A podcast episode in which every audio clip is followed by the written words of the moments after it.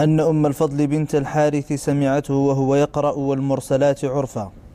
وهذا أيضا آه، يعني آه، من جنس ما تقدم لنا أنه يجوز المخالفة فيما تقرر من التقصير والتطويل والتوسيط. نعم.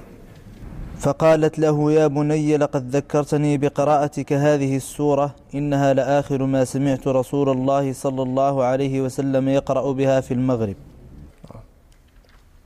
قال عبيد الله رحمه الله وحدثني عن مالك عن أبي عبيد مولى سليمان بن عبد الملك عن عبادة بن نسي عن قيس بن الحارث عن أبي, عن أبي عبد الله الصنابحي قال قدمت المدينة في خلافة أبي بكر الصديق فصليت وراءه المغرب فقرأ في الركعتين الأوليين بأم القرآن وسورة من قصار المفصل ثم قام في الثالثة فدنوت منه حتى إن ثيابي لتكاد أن تمس ثيابه.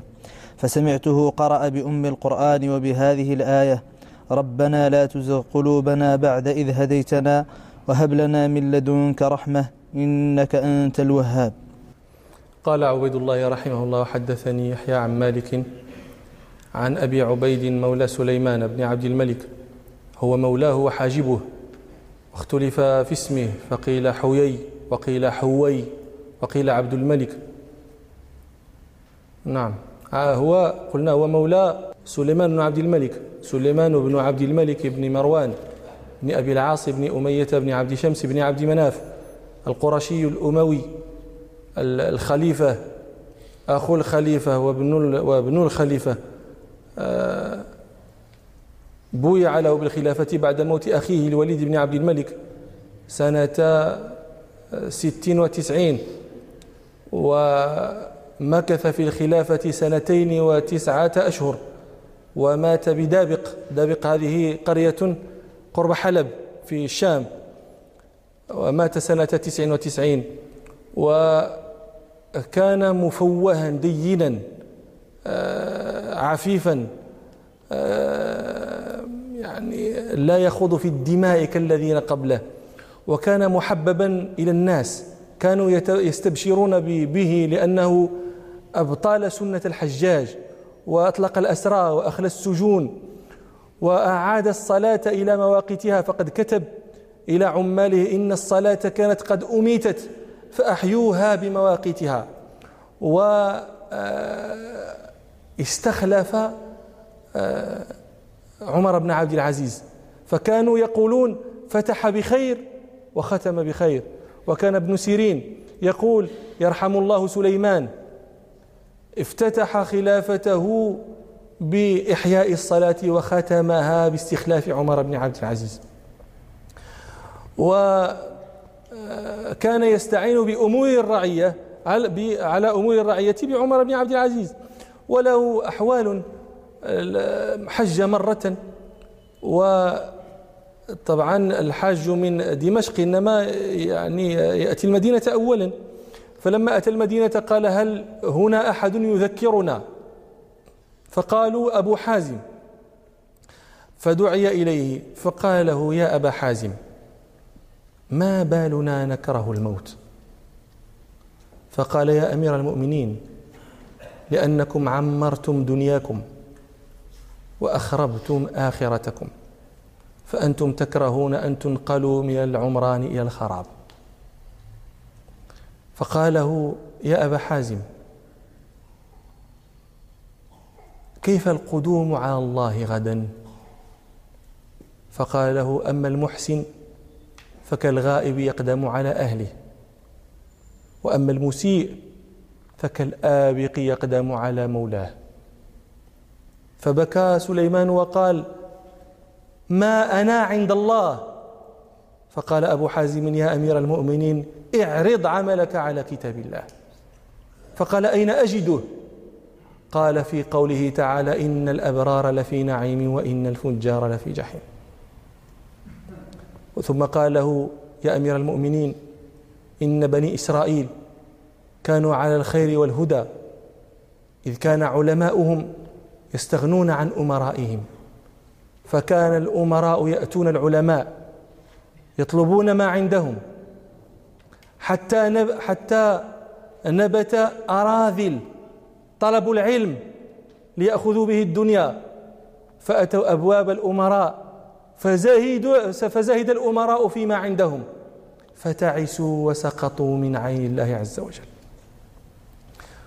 وجاءه مرة إنسان ظلمه عامل له.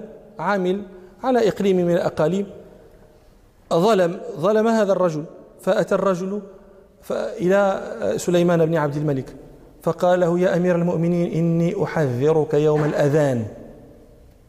فقال له وما يوم الأذان؟ فقال فأذن مؤذن بينهم اللعنة الله على الظالمين.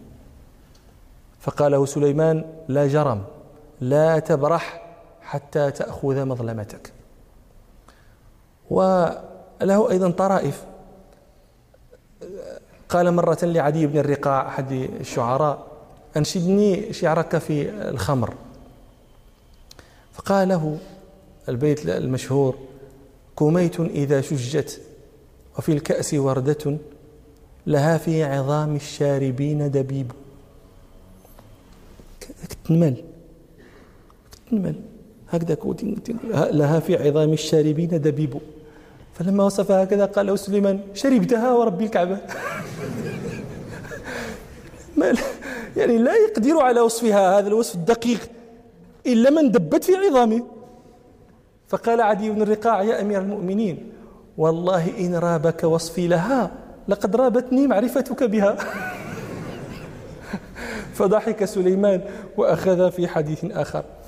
وخرج يوما من الحمام. فنظر في المرآة فأعجبته نفسه وكان جميلا. فقال أنا الخليفة الشاب. فقال لإحدى حظاياه وكانت بجانبه كيف ترينني؟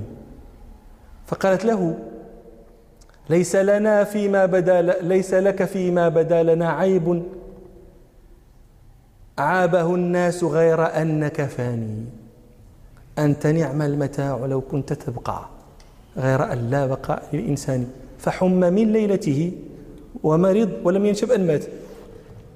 لما حضره أجله قال لرجاء بن حيوة وكان له وزير صدق. من لهذا الأمر؟